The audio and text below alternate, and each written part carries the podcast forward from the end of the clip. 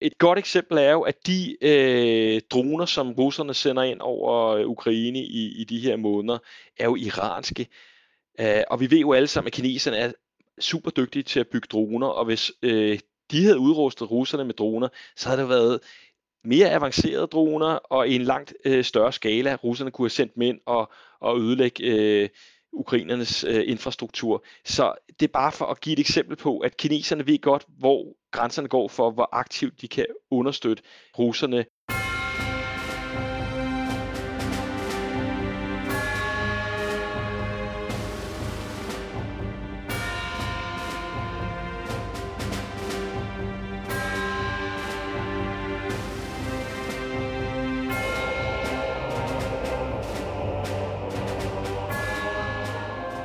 Goddag og velkommen til Krigskunst podcast, hvor vi månedligt taler om et aktuelt militært eller sikkerhedspolitisk emne. Mit navn er Kasper Vester. Jeg er til daglig journalist på Olfi, og jeg producerer podcasten sammen med min medvært, militæranalytiker Anders Puk Nielsen. I dag har vi besøg af Andreas Bøje Forsby til en samtale om Kina. Men før vi tager hul på den, så får I lige den vante sang om, at alle medvirkende kun giver udtryk for egne meninger og ikke taler på vegne af nogen organisationer – som de må have en forbindelse til. Og så skal vi høre lidt mere om dagens emne og vores gæst, Anders. Ja, det skal vi. Øh, Kina har inden for de seneste årtier opnået en kæmpe magtposition i verden, og det er tydeligt, at vi også er nødt til at forholde os øh, til Kina som en sikkerhedspolitisk spiller og måske endda en trussel. Øh, men samtidig står Kina også selv over for en række udfordringer, og måske kan man er faktisk også tale om, at Kinas strategiske vindue på nogle områder er ved at lukke sig. Det er i hvert fald et udtryk, som vores gæst i dag, seniorforsker Andreas Bøje Forsby, øh, for nylig har brugt i en artikel i Raison. Andreas arbejder ved Dansk Institut for Internationale Studier, også kaldet DIS, hvor han forsker i Kina og Indo-Pacific. Uh, han har så i særdeleshed beskæftiget sig med identitetspolitiske problemstillinger, uh, men er i hele taget sådan velbevandret i alting omkring Kina. Um, og i denne udsendelse, så stiller vi sig skarpt på nogle af de sikkerhedspolitiske udfordringer, som der er i relation til Kina, og hvad vi skal forvente os af det store land i den kommende tid. Så Andreas Bøje Forsby, velkommen til Krigskunst podcast. Tak skal du have. Uh, Andreas, du bruger i, øh, i den artikel, som, som Anders refererede til Raison, udtrykket, at, at Kinas strategiske vindue er ved at lukke sig. Øh, hvad er et strategisk vindue, og hvorfor er det ved at lukke sig for Kina? I denne her Raison-artikel, der taler jeg om, at uh, Kina har haft en periode på godt og vel 20 år, øh, hvor det har set ganske fornuftigt ud for dem. Uh, hvis vi spoler tiden tilbage til 2002, uh, øh, som jeg skrev i artiklen, hvor den foregående, uh, eller vi spoler to generationer tilbage til Jiang Zemin, uh, tredje generations uh, generalsekretær for Kommunistpartiet, han talte også på partikongressen, den nationale partikongres uh, tilbage i 2002, om at det strategiske vindue for Kina var ved at åbne sig. Forstået på den måde, at Kina stod i en særlig gunstig situation i forhold til det øh, internationalt system, hvor man havde en række muligheder for at, at øh, modernisere Kina øh, og, og indfri nogle af de udviklingsmål, som, som øh, man havde defineret fra Kommunistpartiets side. Øh, man skal tænke på, at tilbage i 2002, der var Kina lige blevet medlem af Verdenshandelsorganisationen.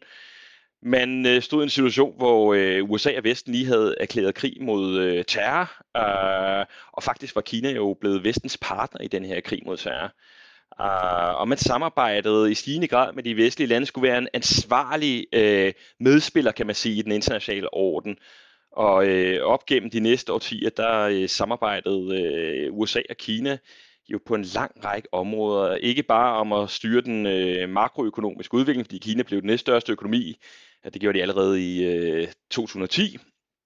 Øh, men man samarbejdede også omkring inddæmning af masseødelæggelsesvåben, bekæmpelsen af terror, øh, og øh, klimadagsordenen og en lang række andre problemstillinger. Og derfor var Kina jo øh, inde i varmen, kan man roligt sige, i det, det internationale samfund. Øh, og det var den periode, som jeg så og andre også har refereret til, som det åbne strategiske vindue, hvor Kina kunne koncentrere sig om sin moderniseringsproces, øh, uden hele tiden at skulle forholde sig, sig, sig til sikkerhedspolitiske problemstillinger. Og når jeg så siger, at vinduet er ved at lukke sig, så er det jo også fordi, at øh, da vi så øh, Xi Jinping tone frem øh, på den 20. partikongres, altså 20 år senere, fordi de her partikongresser foregår hver femte år, der øh, var det en helt anden øh, tone. Der var en langt mere dyster tone, der var i hans tale. Og han talte om alle de udfordringer, som Kina står overfor, øh, en række sikkerhedspolitiske trusler. Uh, og man må jo også bare sige, at det er et helt andet internationalt miljø, Kina befinder sig i, hvor øh, USA øh, betragter Kina som deres største strategiske konkurrent, og hvor USA jo er i færd med at opbygge en koalition af ligesindede lande, der sådan skal inddæmme Kina, kan man sige, i deres egen region, altså i det, vi nu er begyndt at omtale som Indo-Pacific. Uh, og derfor er det altså en helt anden øh, geostrategisk situation, Kina står over for i dag, som på mange måder, fordi netop USA forsøger at orkestrere den her koalition af ligesindede, altså helt primært vestlige lande, øh, risikerer at isolere Kina øh, internationalt i stigende grad. Og med isolere Kina internationalt, så mener jeg helt primært i forhold til Vesten. Og Vesten er stadig en ekstremt vigtig øh, aktør, hvis man kan tale om Vesten som en aktør. Men i hvert fald adgang til vestlig teknologi, vestlige markeder er ekstremt vigtigt for Kinas fortsatte øh, moderniseringsproces. Og derfor er det en, en langt vanskeligere situation, Kina nu står i. Og det er så derfor, jeg snakker om det her strategiske vindue, der måske er ved at lukke sig. Uh, nu forsøgte Xi Jinping godt nok på G20-topmødet at række ud og sådan igen forsøge at, og, uh, øh, som en, et diplomatisk charmeoffensiv, kan man sige, over for nogle af de her vestlige lande. Uh, den er næppe nok, fordi der er mange grunde til, at uh, vi, vi står foran uh, et helt andet, uh, en helt anden uh, geostrategisk situation i dag, end vi gjorde for de her 20 år siden. Så øh, det bliver op ad bakke for Kina i de næste år. Men har, øh, har Kina i, øh, i de der 20 år ændret, øh, ændret sådan de strategiske mål også? Altså, øh, fordi øh, det, det, det forekommer, altså mig, og nu er jeg overhovedet ikke Kina øh, kender, øh, men altså, det forekommer mig, at, at Kina er blevet mere og mere ambitiøs, også på den udenrigspolitiske dagsorden, og, øh, og, og omkring det her med at have en, øh, Øhm, en militær profil, som øh, er skarp, og hvor det måske øh, for 20 år siden i højere grad var øh, et strategisk vindue, der handlede om at, øh, at, at have mulighed for at udvikle sin økonomi og sådan nogle ting. Øh, altså er, er der foregået en, en, en ændring der i, hvordan Kina ser på sig selv og, og opgaven? Ja, det er der jo i høj grad. Uh, man kan sige, Kina er jo hen ad vejen også blevet mere selvhævdende, øh, har fået mere tiltro på, at, øh, at, at de skal fylde noget mere på den internationale scene. Øh, og øh, den udvikling så vi sådan for alvor øh, begynde at få nogle sådan konkrete udtryk omkring den øh, globale finanskrise øh, i 8 og 9, øh, hvor Kina kom meget bedre ud på den anden side af finanskrisen, og så begyndte vi at se Kina spille lidt med musklerne i forskellige sammenhænge. I Vest lagde vi primært mærke til det i forbindelse med nogle af Kinas mere selvhævdende tiltag i det sydkinesiske hav. Øh, især det her med at bygge kunstige øer øh, var noget, vi blev temmelig øh, overrasket over, at øh, de var villige til at tage sig store skridt, kan man sige, i forhold til at befæste deres situation der. Men der var en lang række øh, indikationer på, at Kina gerne ville spille en større rolle. Øh, og så har vi også fået noget, vi, vi kalder ulvekrigerdiplomati, især fra 2018 og frem, hvor kinesiske diplomater generelt taler med større bogstaver, hvis de ikke ligefrem truer øh, især vestlige landes regeringer med forskellige former af sanktioner, og også udøver deres tvangsdiplomati i langt højere grad end tidligere. Det er også en tendens, vi har set fra 2018 og frem, at øh, Kina er villig til at sætte skruetvingerne på nogle af de her vestlige lande, om det har været Kanada, Australien, Sydkorea, Japan, eller sådan set også øh, Litauen her senest, øh, med, med enten brug af økonomiske sanktioner eller politisk isolation. Uh, så Kina er villig til i stigende grad at, at sætte, hvad skal vi sige, mere vægt bag ordene, hvis de føler, at Vesten overtræder deres øh, røde linjer. Så det er jo selvfølgelig altid afhængigt af hvis perspektiv, vi anlægger. Uh, Kina synes jo også, at, at Vesten går hårdere til værks over for dem, og, og, og er mere villige til at overskride deres røde grænser. Så det, afhænger lidt af, hvilket perspektiv vi anlægger. Men der er ikke nogen tvivl om, at Kina jo også har flere ressourcer nu om dagen til at sætte magt bag deres øh, intentioner. Uh, så derfor så får det også større konsekvenser, når Kina beslutter sig for at trække en rød streg over for de vestlige lande især. Nu siger du, at uh, Xi Jinping, han har, det er ham, der ligesom slår de her dystre toner an senest ved, ved partikongressen. Måske skal vi tale lidt om ham, fordi hvad er han for en type leder, og hvordan har han sådan udviklet sig over tid? Fordi det er ligesom om, vi ser sådan en tendens til, at han er ved at lukke magten lidt om sig selv, måske i Kina. Hvordan kan man karakterisere ham? Ja, øh, man kan sige det sådan, at øh, vi havde en udvikling i Kina øh, fra, lad os sige, Deng Xiaoping, øh, og nu er vi altså tilbage i slut 70'erne og op gennem 80'erne til start 90'erne. Kinas anden generalsekretær for, for eller i hvert fald anden øh, leder af Kommunistpartiet. Han fik i øvrigt aldrig generalsekretærposten. Øh, men under Deng Xiaoping, øh, der sørgede øh, der sørgede man for i stigende grad at institutionalisere øh, magten, give staten flere magtbeføjelser på bekostning af partiet, øh, kollektivisere ledelsestilen i Kina. Uh, og uh, det var med, med de efterfølgende to generationer af ledere, uh, Jiang Zemin og derefter Hu Jintao, at man sådan for alvor fik, fik uh, uh, hvad skal vi sige, bragt nogle nye ledelsesnormer øh, ind i det kinesiske kommunistparti, hvor man så øh, de to efterfølgende ledere sidde øh, et og ti hver, øh, og så altså have både uh, posten som generalsekretær for Kommunistpartiet, præsident for Folkerepubliken Kina, og så som formand for den centrale militære komité. Altså man havde centraliseret magten, men man så samtidig, at uh, de her lederskikkelser, altså Jiang Zemin og Hu Jintao, øh, i højere grad tog andre øh, dele af politbyrådets stående komité i hvert fald med i de centrale beslutningsprocesser. Uh, og øh, at man så samtidig så en liberalisering, ikke bare den kinesiske økonomi, men også af det kinesiske civilsamfund, øh, hvor man i Vesten i hvert fald fik øh, en tro på, at Kina bevægede sig i den rigtige retning øh, i forhold til at frisætte øh, befolkningen i højere grad, og måske på et eller andet tidspunkt begynder at eksperimentere lidt med nogle rigtige, i hvert fald gå så en vestlig forstand rigtige demokratiske øh, reformer. Den udvikling har vi jo set øh, gå i bakgear, kan man roligt sige, under Xi Jinping, øh, som igen har sørget for at centralisere al magten omkring sig selv og hans person, øh, og altså her med den 20. partikongres valgte at blive siddende som generalsekretær øh, for, en, for endnu en femårig periode. Um, og jo har skabt også noget, der minder om en personkult, øh, som går helt, rækker helt tilbage til det, vi så under, under Mao Zedong. Uh, Xi Jinping fylder utrolig meget af de kinesiske statsmedier.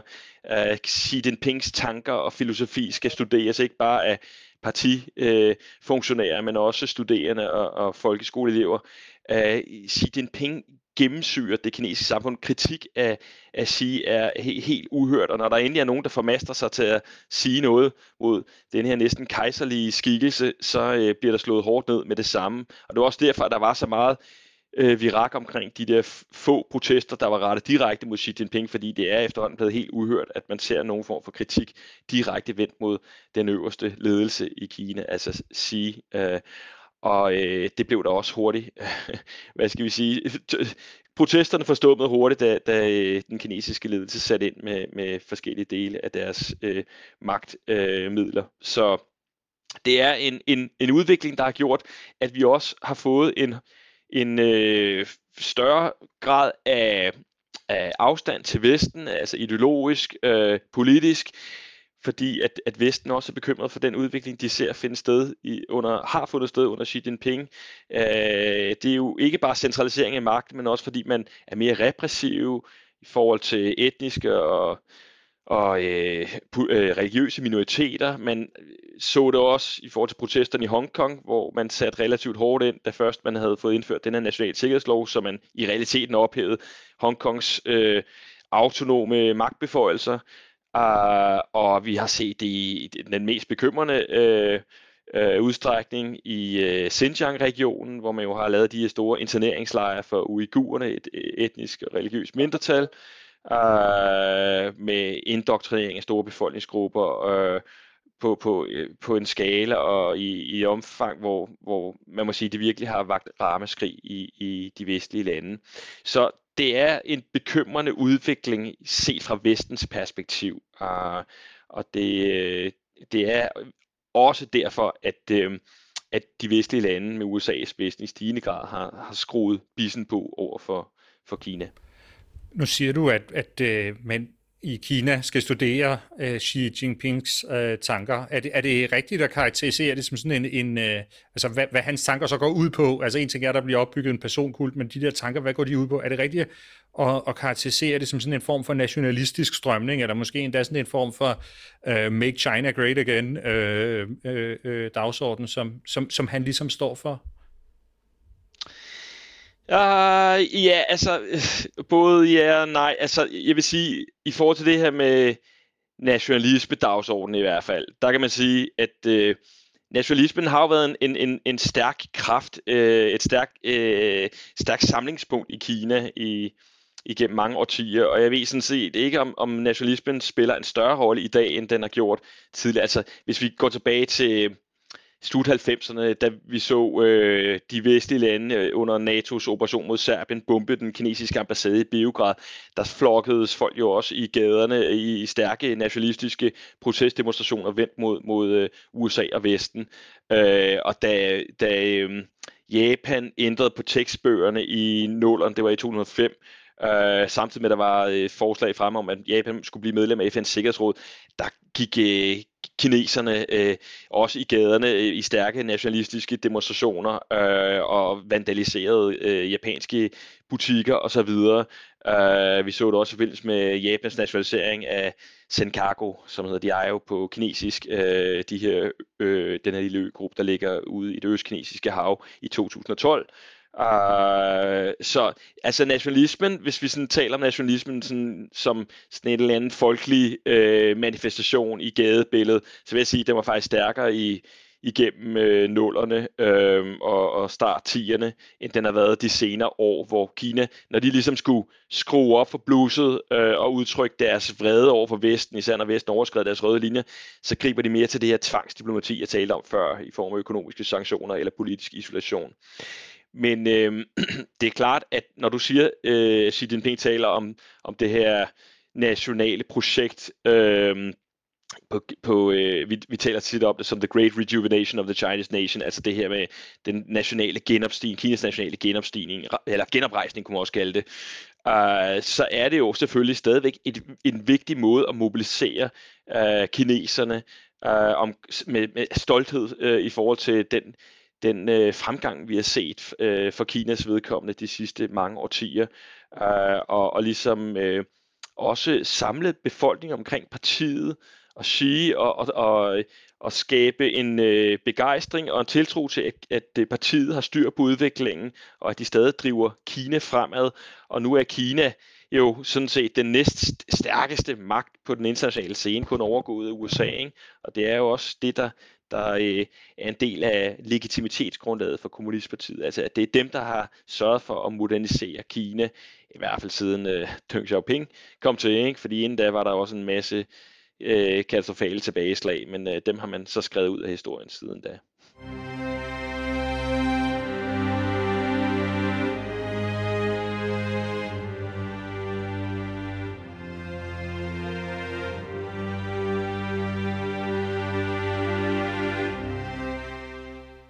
Lad os, lad os prøve at se nærmere på en af de, øh, hvis vi sådan løfter blikket til det internationale og lidt, lidt mindre, øh, hvad der foregår internt i Kina, så er der den her konflikt mellem, ja, det er mellem øh, Kina og, og Taiwan, men den fylder også en del her i, i den vestlige diskurs om Kina. Hvad er, det, hvad er det, den konflikt helt præcis går ud på, og hvad, hvad kan man forvente, der kommer til at ske de kommende år, og, og hvor, hvorfor betyder det så meget for Vesten i virkeligheden, hvad, hvad Kina vil med Taiwan? Ja, det er også rigtig interessant. Øh, det man kan sige er, at øh, set fra Kinas perspektiv, så er der jo tale om sådan en eller anden form for uafsluttet kapitel øh, oven på borgerkrigen i 49, hvor kommunisterne kommer til magten, og hvor nationalisterne flygter ud til, til Taiwan.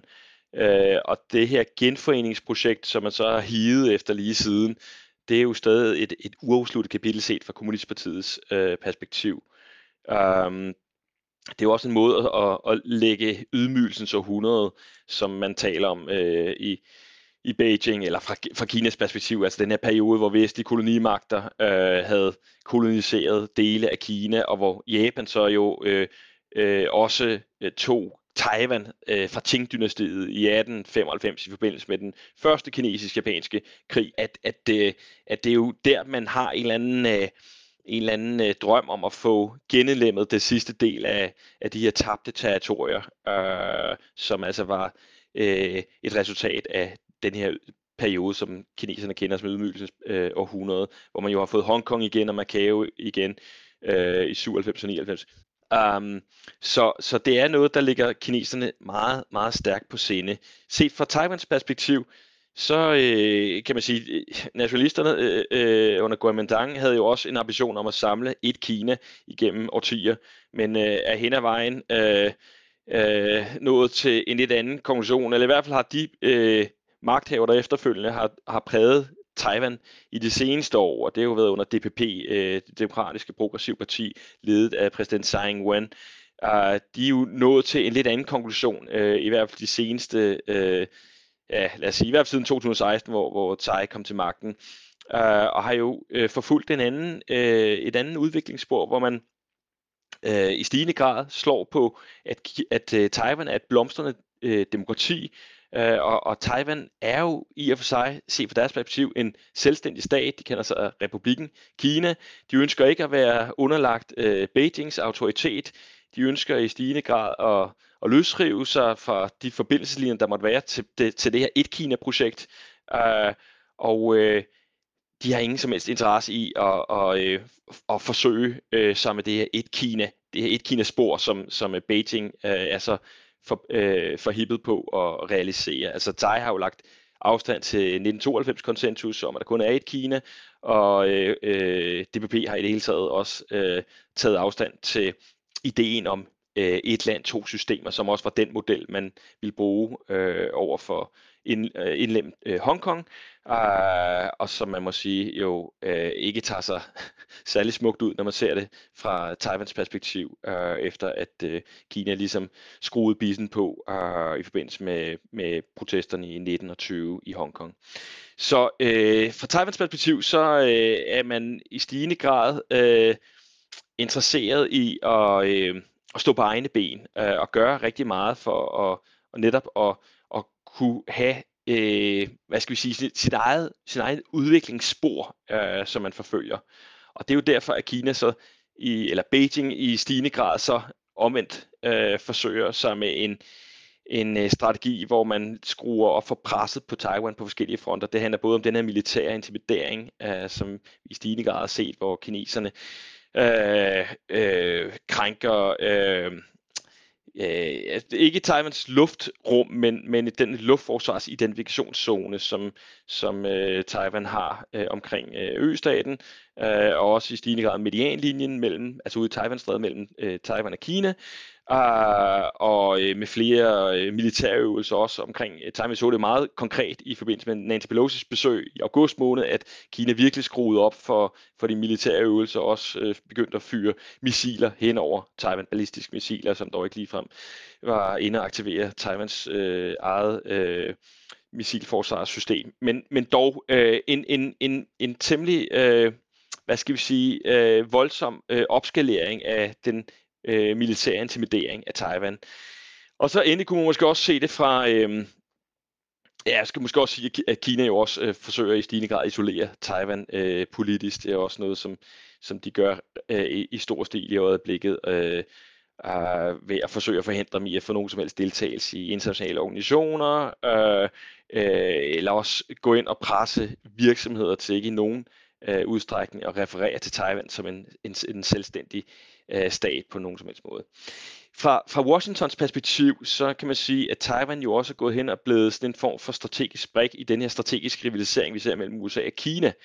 Uh, og uh, Taiwan repræsenterer jo også altså det her uh, demokrati, der, uh, der står som sådan et næsten stolt fyrtårn i en region, som ellers er præget af tilbagegang for, for demokratiet i de her år. Uh, og at uh, og det er rigtig svært at, at lade Taiwan sejle sin egen sø, kunne man sige, når de nu øh, efterhånden, sidst jeg så en opgørelse fra, øh, øh, over verdens øh, demokratier, der var Taiwan faktisk hoppet helt op på 8. pladsen, altså efter de nordiske stater og New Zealand og og Irland og, og en enkelt mere, var, var uh, Taiwan faktisk det 8. mest velkonsoliderede demokrati nu om dagen. Ikke? Og det er jo det her, den her skæbnefortælling om, hvordan Taiwan er gået hen og blevet sådan en eller anden form for frontlinjestat i kampen mellem autokratier og demokratier. En stat som øh, en østat, som, som øh, vestlige leder jo med øh, Nancy Pelosi i spidsen, havde han sagt, jo valgfarter til for at erklære sin fulde solidaritet. Uh, og derudover så har Taiwan jo også i stigende grad øh, fået placeret sig som sådan en eller anden form for øh, øh, teknologisk højborg. Altså deres øh, udvikling af de her meget avancerede mikroprocessorer er jo også ekstremt vigtig for øh, al moderne teknologi, og derfor er det også magtpålæggende for de vestlige lande med USA i spidsen at sørge for at, at fastholde øh, Taiwan som, som en del af det her af de her forsyningskæder af mikroprocessorer øh, mellem de mest avancerede økonomier. Øh, og og, og dermed får Taiwan altså mange forskellige funktioner og bliver en vigtig strategisk brik. Endelig også i forhold til sådan at inddæmme øh, Kina, fordi hvis Kina først fik kontrol over Taiwan, ja, så, så, så har de altså også en anden adgang til, til Stillehavet, end de har nu, hvor de sådan lidt er lukket inde bag den her første kæde af, af ø-stater, kan man sige. Uh, så, der, så der er mange aspekter i det, Øh, og USA har da også i stigende grad de senere år øh, forsøgt at gøre det klart for Kina, at man er villig til at intervenere, hvis, øh, hvis undskyld, øh, Beijing skulle finde på at og sige, okay, der er ikke noget, der tyder på, at vi kan genforene øh, Taiwan med fredelige midler, som jo ellers er helt klart deres primære ambition. Det er jo det, de helst øh, gerne vil opnå, øh, genforening via de midler. Men hvis det ikke kan lade sig gøre, så har man også signaleret, at så er man klar til at gribe til militære magtmidler og det er der, USA så i stigende grad er begyndt at gøre det klart for, for, øh, for Kina, at øh, jamen, så skal man nok forvente fra Beijings side, at USA også øh, vil, vil gribe til væbnet magt. Men altså, hvor farligt er det? Hvor, hvor bekymret skal vi være om, øh, om den der konflikt omkring øh, Taiwan? Ja, altså, jeg, jeg tror ikke, jeg vil sige, at øh, vi ikke skal være bekymrede, fordi øh, tendensen i øjeblikket er, at øh, alle de tre øh, store aktører i konflikten, altså USA, Kina og Taiwan, jo forfølger øh, strategier, som gør det sværere at forestille sig, at der skulle komme en fredelig løsning ud af alt det her. Uh, og når det så er sagt, så vil jeg omvendt sige, at kineserne jo godt ved, at det der med at forsøge sig med en militær invasion af Taiwan, det er ekstremt vanskeligt. Altså når vi, hvis vi sammenligner med Ruslands invasion af Ukraine, hvor de jo øh, trods alt kunne bygge en, en styrke op med flere hundredtusind soldater øh, lige op, klods op af Ukraines grænse, og så øh, stadigvæk overraske de, både øh, Ukraine og Vesten ved, øh, ja, måske øh, kan man sige, at amerikanerne havde ligesom øh, gjort det klart, at der var noget i, i gære. Men ikke desto mindre kom det i hvert fald for Ukraine som lidt af en overraskelse, at øh, Rusland rent faktisk rullede tanksene hen over grænsen. Ikke? der må man sige, bare det at forestille sig, at Kina skulle være i stand til at opbygge, opbygge den fornødne militærstyrke, og så sejle den ud, øh, øh, uden at det på et eller andet tidspunkt går galt. Og selv hvis de så når hele, frem, hele vejen frem til Taiwan, så har taiwanerne altså også øh, forberedt sig i årtier på at skulle imødegå sådan en invasionsstyrke. Så det vil blive et blodbad, som øh, kineserne øh, altså måske vil kunne øh, lykkes med, men, men øh, det, vil, det vil koste utrolig mange ressourcer. Og dertil kommer så, at Vesten vil utvivlsomt reagerer ved at isolere øh, Kina på samme måde, som de har gjort på Rusland og på Ukraine-invasionen. Og der må man bare sige, Kina er jo ikke endnu i en position, hvor de bare kan sige, jamen så klarer vi os øh, ved egen hjælp. Altså de har ikke opbygget den fornødne strategiske autonomi til sådan set at kunne øh, bevæge sig over sit eget lille hjørne, og så være ligeglad med, med øh, at have nogen form for samkvem med, med de vestlige lande, altså adgang til deres markeder og teknologi. Så jeg tror ikke på det. Det er ikke det samme som at sige, at det ikke kan lade sig gøre, og det er ikke det samme som at sige, at kineserne ikke kan føle sig presset til på et eller andet tidspunkt at sige, nu gør vi det, fordi at uh, Taiwan har gjort det i landet, som helt tydeligt indikerer, at vi aldrig nogensinde uh, kommer til at, at få en gedelig, fredelig genforening. Og i så fald kan man forestille sig mange forskellige scenarier, inklusiv en uh, militær invasion. Men øh, hvis jeg må, må, må prøve at spørge, hvordan... Øh, det, man sagde jo mange af de samme ting omkring øh, Ukraine, ikke? at det giver ikke nogen mening, og derfor så, øh, hvad skal man sige, afskrækkelsen virker, og, øh, og alle sådan nogle ting. Um, og så viste det sig alligevel, at der var en, øh, en præsident i Rusland, som på en eller anden måde øh, til synligheden havde fået øh, centreret så meget magt omkring sig selv, at, øh, at, han sådan egenhændigt kunne bestemme det der, og at han også igennem tilpas mange år øh, var blevet bekræftet i sit verdenssyn, fordi alle rundt omkring ham gik og, og bekræftede ham i det, han gerne ville høre. Og, og jeg kan jo godt blive lidt bekymret, når jeg hører det, du, det du før sagde om, hvordan øh, magten er ved at, at samle sig om Xi Jinping. Øh, fordi det, det lyder jo et eller andet sted som, som noget, man godt kunne sammenligne med, øh, øh med, øh, med Rusland. Øh, hvor, hvor, øh, hvor bekymret skal vi være omkring sådan nogle ting i, i forhold han, han har jo også ændret på øh, procedurerne, sådan, så han kan blive siddende til evig tid, ikke? Så, øh, i, i spidsen for Kina, og efterhånden blive en rigtig gammel mand. Ja, det er alt sammen rigtigt. Um, og øh, det var også øh, netop urovækkende, at, øh, at Xi jo fik indsat loyalister i resten af politbyrået i forbindelse med den 20. partikongres her i oktober måned. Uh, så det er efterhånden meget svært at forestille sig, at der er nogen, der vil sige ham imod, hvis uh, han nu skulle finde på at, at uh, lægge op til, at uh, en invasion af Taiwan er det rigtige at gøre uh, for Kinas vedkommende. Når jeg alligevel uh, er skeptisk over for, at kineserne uh, i hvert fald i, i den nære fremtid kunne finde på rent faktisk at, at gribe til væbnet magt, så er det ikke bare på grund af alt det, jeg lige snakkede om før, med alle de risici, der er både sådan rent militært, men også den efterfølgende reaktion fra Vesten og de økonomiske sanktioner, som Kina helt sikkert vil blive ramt af. Så er det også fordi, at kineserne generelt er mere øh, hvad skal vi sige, de er knap så risikovillige, som russerne er. Øh, det er kommet til udtryk i alle mulige sammenhænge. Um, og øh, jeg, jeg, jeg ser ikke for mig, at øh, en kinesisk ledelse øh, har det fornødne vågemod, hvis man kan sige det på den måde, til at ture og satse hele butikken. Man skal også tænke på, Rusland havde jo i årtier masser af erfaringer med at bruge væbnet magt. Øh, det er ikke noget, Kina har nogen som helst erfaringer med. De har jo ikke været i nogen krig med andre lande siden 1979, øh, hvor de øh, havde en grænsekrig med, med Vietnam, som jo ikke gik særlig godt. Uh, så har de sidenhen haft øh, nogle øh, fredsbevarende styrker i FN-regi, men det er jo i, i, et, i en helt anden skala og et andet regi end, end det, som kineserne skal kunne øh, skal kunne øh, benytte sig af, hvis de skal foretage en, en flådeinvasion af, af Taiwan.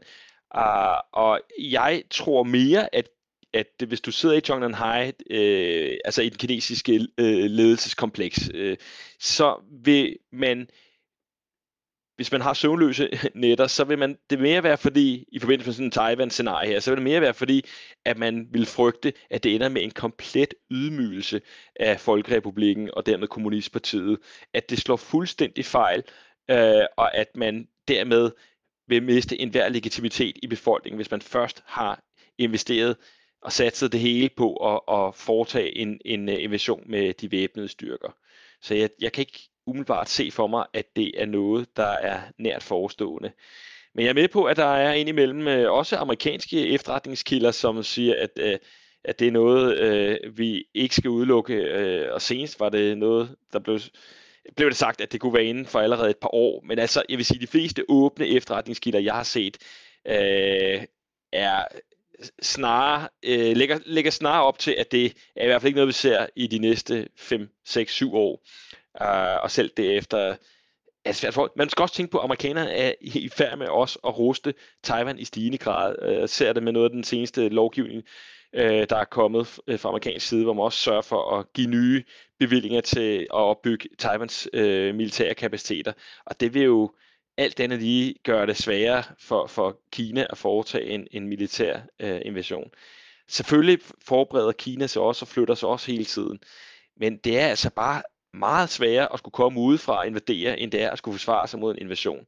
Øh, og især når det foregår øh, over havet. Så øh, jeg tror ikke på det, men det er ikke det samme som, at det kan ske.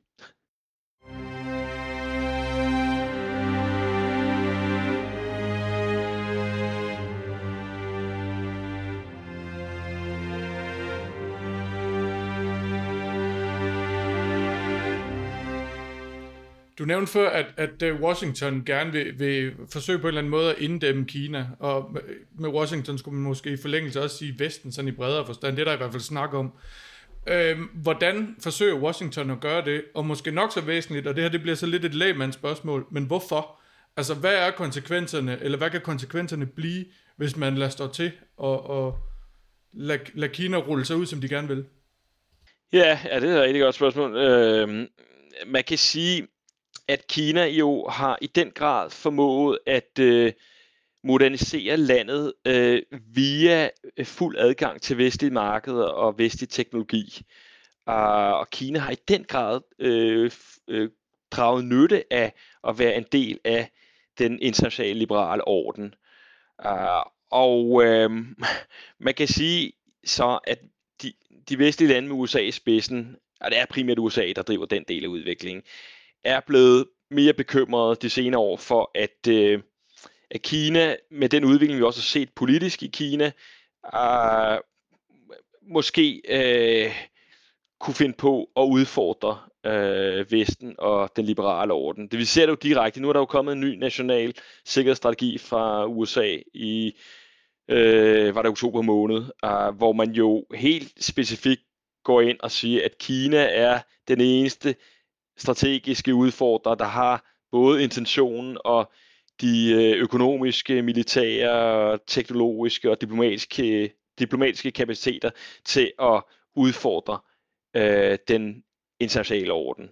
Uh, og, og det er en anden måde at sige på, at man, man nu tager udfordringen fra Kina langt mere seriøst øh, end, end tidligere. Og øh, en af de strategier, man så benytter øh, sig af, det er jo det, man kunne kalde øh, selektiv afkobling. Og den har helt primært indtil videre været rettet mod specifikke øh, virksomheder eller specifikke teknologier, som man gerne vil forhindre øh, sig i at udvikle, øh, udvikle sig yderligere. Så øh, Trump-administrationens øh, største træk i den øh, retning var jo at koble Huawei øh, øh, fra amerikansk teknologi. Uh, Huawei, som jo lige pludselig stod øh, til at skulle udvikle øh, 5G-teknologi, altså digital kritisk infrastruktur for det meste øh, af verden, øh, inklusive øh, Europa. Øh, og der, der øh, sørgede man for at, øh, at gå meget øh, hårdt til værks med at, og netop at kappe forbindelserne øh, mellem Huawei øh, og, og de vestlige markeder øh, på forskellige vis, sådan så at, øh, at de fik langt sværere ved at fortsætte øh, den øh, rivende udvikling, de havde været inde i. Et andet øh, eksempel, som vi så, så, så har set på, øh, på det seneste fra Biden-administrationen, det er jo, øh, at man forsøger at øh, afskære Kina fra adgang til allermest avancerede mikroprocessorer. Det så vi i forbindelse med den Chips Act, som øh, kongressen vedtog for nylig, hvor man øh, faktisk på en, øh, en ret voldsom måde, altså fordi der taler om et stykke øh, unilateral lovgivning, fordi man ikke rigtig for alvor havde fået taget sin allierede med på råd, øh, hvilket jo ikke er i pagt med den stil, vi ellers har set fra Biden-administrationen, men også en, et, et stykke øh, ekstraterritoriel lovgivning, kan man sige, forstået på den måde, at, at øh, man øh, gjorde det klart i lovgivningen, at man vil forhindre også sine samarbejdspartnere i at lade Kina få adgang til de her øh, mikroprocessorer, hvis der er amerikansk teknologi eller amerikanske øh, teknologiske komponenter øh, involveret i en eller anden stat i udviklingen, og det er der jo med al moderne teknologi. Amerikanske virksomheder er jo ledende på alle mulige fronter, øh, og det er fordi, at øh, meget af den her teknologi altså mikroprocessorerne, i sidste ende jo bliver produceret uden for USA. Ikke? Man har verdens øh, mest avancerede øh, fabrikationssted, øh, TSMC i Taiwan, øh, som jo havde forsynet det kinesiske marked igennem lang tid med, med de her øh, avancerede mikroprocessorer, og hvor amerikanerne så altså sætter foden ned og siger, hvis der er nogen form for amerikansk teknologi i, og det er der, der er software og design af de her mikroprocessorer, øh, så, så øh, må TSMC ikke længere øh, eksportere dem til det kinesiske marked. I hvert fald ikke de allermest avancerede af slagsen, og det gælder i øvrigt også japanske virksomheder, eller koreanske virksomheder, eller hollandske virksomheder, som alle sammen har forskellige roller, de spiller i udviklingen af de her mikroprocessorer. Så det øh, var et stykke lovgivning, som gik langt videre i form af at være, hvad skal vi sige, et nyt eksportkontrolregime, end vi tidligere har set. Og det er en måde at øh, forhindre Kina i at udvikle sig i samme hast som tidligere. Og det er noget, der altså paradoxalt nok ikke har affødt en stor reaktion fra Kina, netop fordi de ikke har noget oplagt modsvar. De er ikke i stand til at replicere ved så at afskære øh, USA og de vestlige lande fra kinesisk teknologi, som vi er afhængige af. Der har vi stadigvæk, øh, hvad skal vi sige, en førerposition. Uh, så de, de, det gør rigtig ondt på Kina, det er der ikke nogen tvivl om. Men indtil videre, så har de måttet sluge den. Uh, og så øh, er vi spændt på at se, hvordan de vil forsøge at komme ud af den, øh, det, hvad skal vi sige, det kvælergreb, som øh, amerikanerne nu har lagt på dem, i hvert fald i forhold til de her mikroprocessorer. Hvad kommer det her til at betyde for, øh, for Danmark? Altså, hvordan skal vi øh, forholde os til, øh, til Kina som en, øh, især en, en, en militær udfordring? Ja, altså set fra mit perspektiv, så øh, er det ikke sådan, så meget den militære udfordring, som er så interessant i det dansk-kinesiske øh, forhold. Uh, hvis vi ser lidt tilbage, så kan man sige, de udfordringer, der har været, de ting, der har gjort det dansk-kinesiske forhold øh, problematisk de senere år, har jo øh, ikke så meget handlet om den specifikke militære trussel, som snarere øh, de bekymringer, der har været omkring, at Kina skulle få et strategisk fodfæste i Grønland, hvor amerikanerne jo har sat fod ned et par gange, altså både når kineserne ville overtage den her øh, flådestation op i Grønnedal, øh, men også da de ville øh, byde ind på at bygge øh, lufthavns, lufthavnsinfrastruktur øh, i Nuuk og i Lilusat, øh, hvor igen amerikanerne også var, var ude at sige, at vi skal ikke have øh, kineserne til at bygge den form for infrastruktur. Uh, så øh, det er et eksempel, og så må man også sige, i forhold til Huawei-problematikken, der var Danmark jo faktisk også, hvis ikke det allerførste, i hvert fald et af øh, de, øh, øh, hurtigt, de lande, der hurtigst var ude og og øh, gøre det klart for Huawei, at, øh, at den, den her kinesiske tech-gigant ikke vil få nogen rolle øh, i at udvikle den, det danske 5G-netværk. Altså Danmark er en meget lojal øh, allieret til USA, og er generelt meget hurtigt til at efterkomme amerikanernes strategiske ønsker på alle mulige områder, også i forhold til at, at distancere sig fra Kina.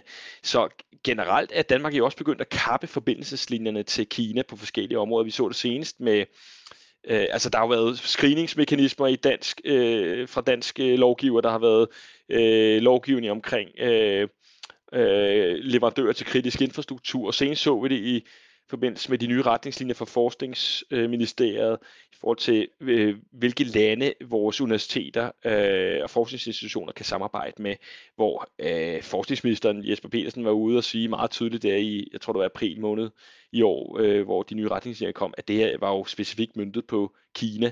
Øh, så og det er heller ikke, fordi det var den store overraskelse for nogen, at, at de nye retningslinjer især var rettet mod øh, kineserne.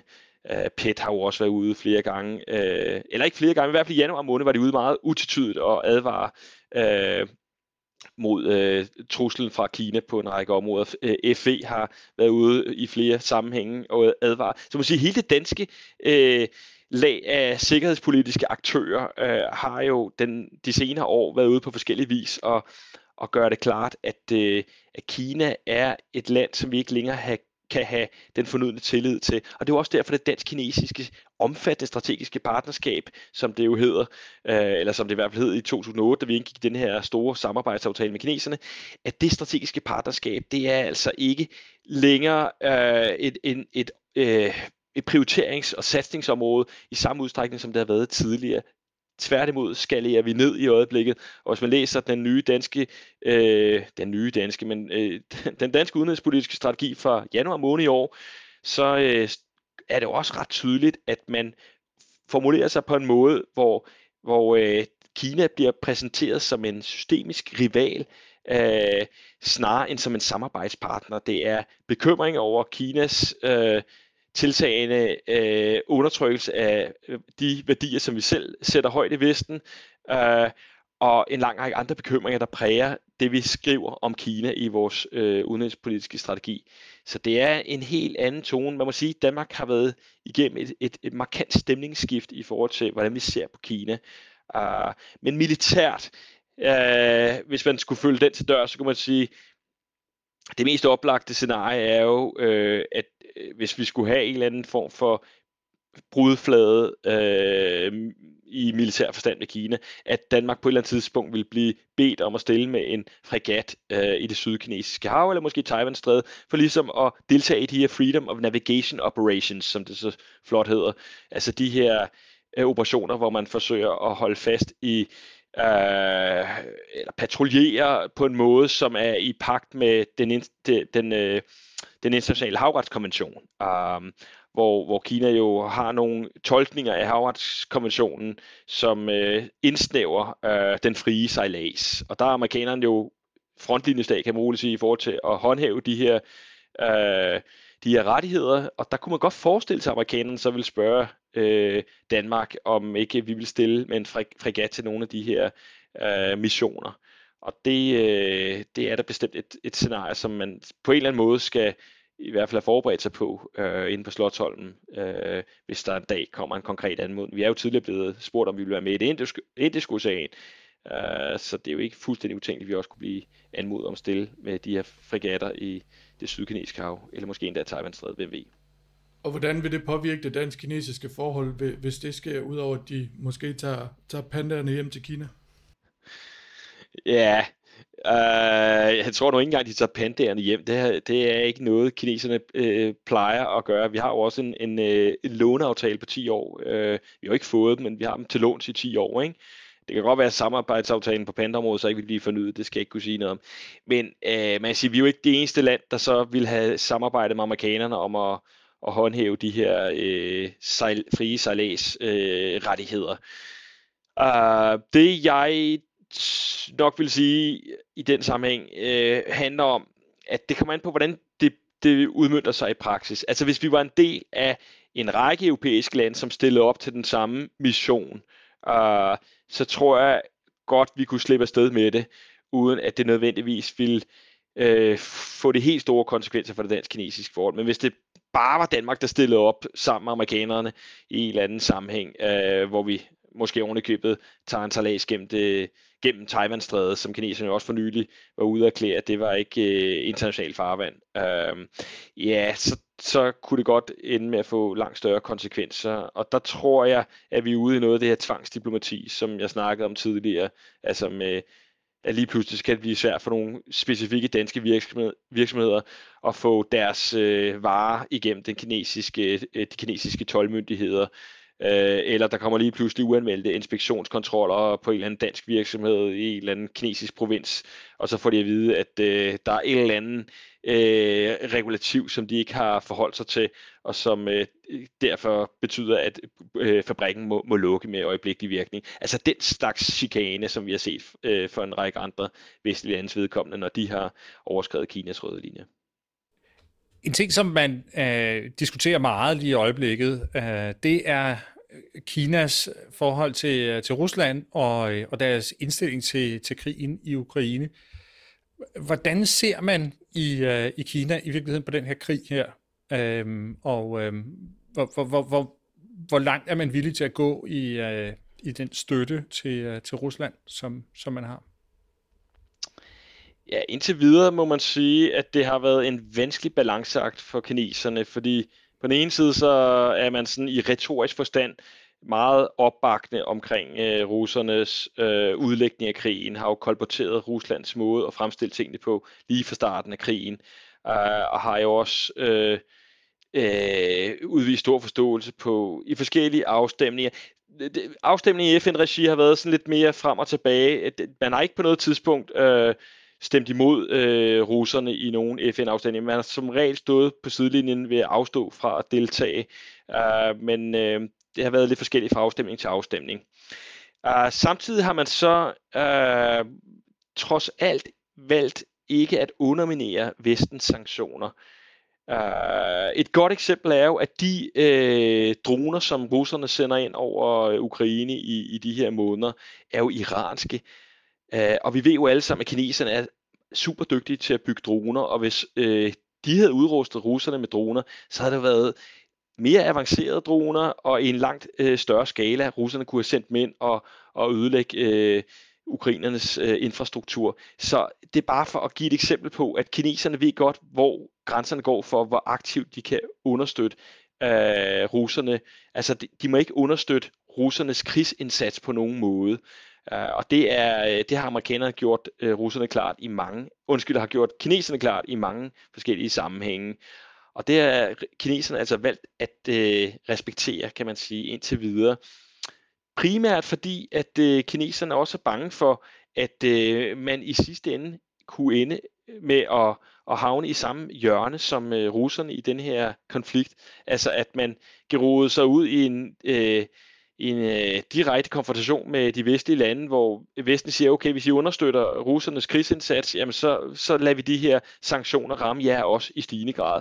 Uh, og det, som jeg har været inde på tidligere, så kan man sige, at kineserne har jo ikke opbygget den fornødne strategiske økonomi til for alvor at kunne modstå et, et øh, vestligt øh, øh, sanktionspres. Øh, selvfølgelig kan de godt modstå det i, på den korte bane, men i forhold til de udviklingsmål, som man har sat sig, man skal tænke på, at Kina er jo stadig et udviklingsland på nogle fronter, øh, har et BNP per indbygger, der er en sjettedel af det amerikanske, ikke? så man vil gerne have adgang til vestlige marked og vestlig teknologi for at kunne fortsætte øh, sine udviklingsmål.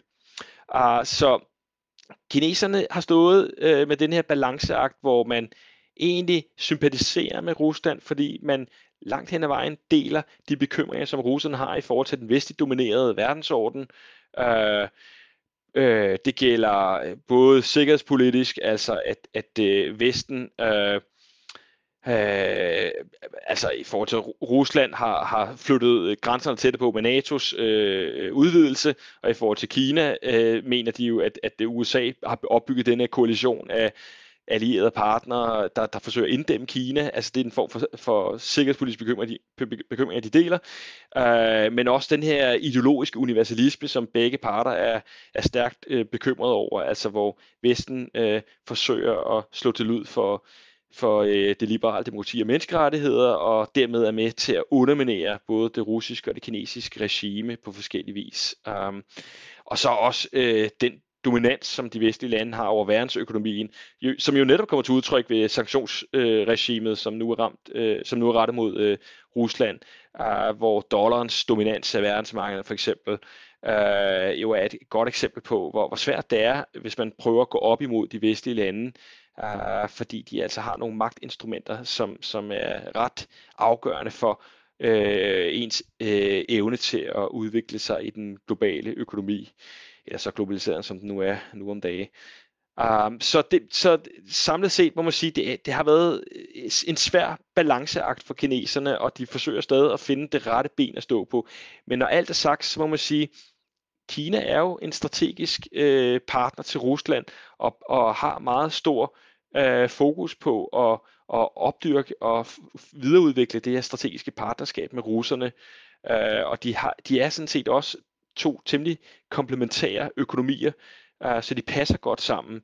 Og jeg tror, på den lange bane, altså fordi de også deler de her øh, mere ideologiske øh, bekymringer i forhold til Vesten, øh, så tror jeg, at vi skal forvente, at de to lande øh, også er strategiske partner på den lange bane. Spørgsmålet er altså bare, om det så på et eller andet tidspunkt vil betyde, at, at, at, at Vesten øh, for alvor begynder at afkoble også Kina øh, fra, fra sine markeder, øh, som vi har set det med Rusland. Fordi det er, det er, det, så, så er vi ude i noget, der minder om en koldkrigslignende konflikt øh, med blokke, der står over for hinanden, og der er vi slet ikke endnu. Men øh, det, det, der er noget, der kunne tyde på, at, at vi bevæger os stille og roligt i den retning med nogle af de senere tiltag, vi har set. Vi nåede vidt omkring, sluttede helt i uh, Ukraine, men jeg tror, det var, hvad vi nåede i den her udsendelse. Andreas Bøje Forsby, tak fordi du vil være med. Tak for invitationen. Og til jer, der lytter med, hvis I ikke allerede abonnerer på Krigskunst podcast, så kan I gøre det inde på krigskunst.dk, hvor I kan finde et link, der passer til jeres yndlings podcast afspiller. Vi udkommer cirka en gang om måneden, og hver gang så er det med et nyt aktuelt militært eller sikkerhedspolitisk emne på genhør.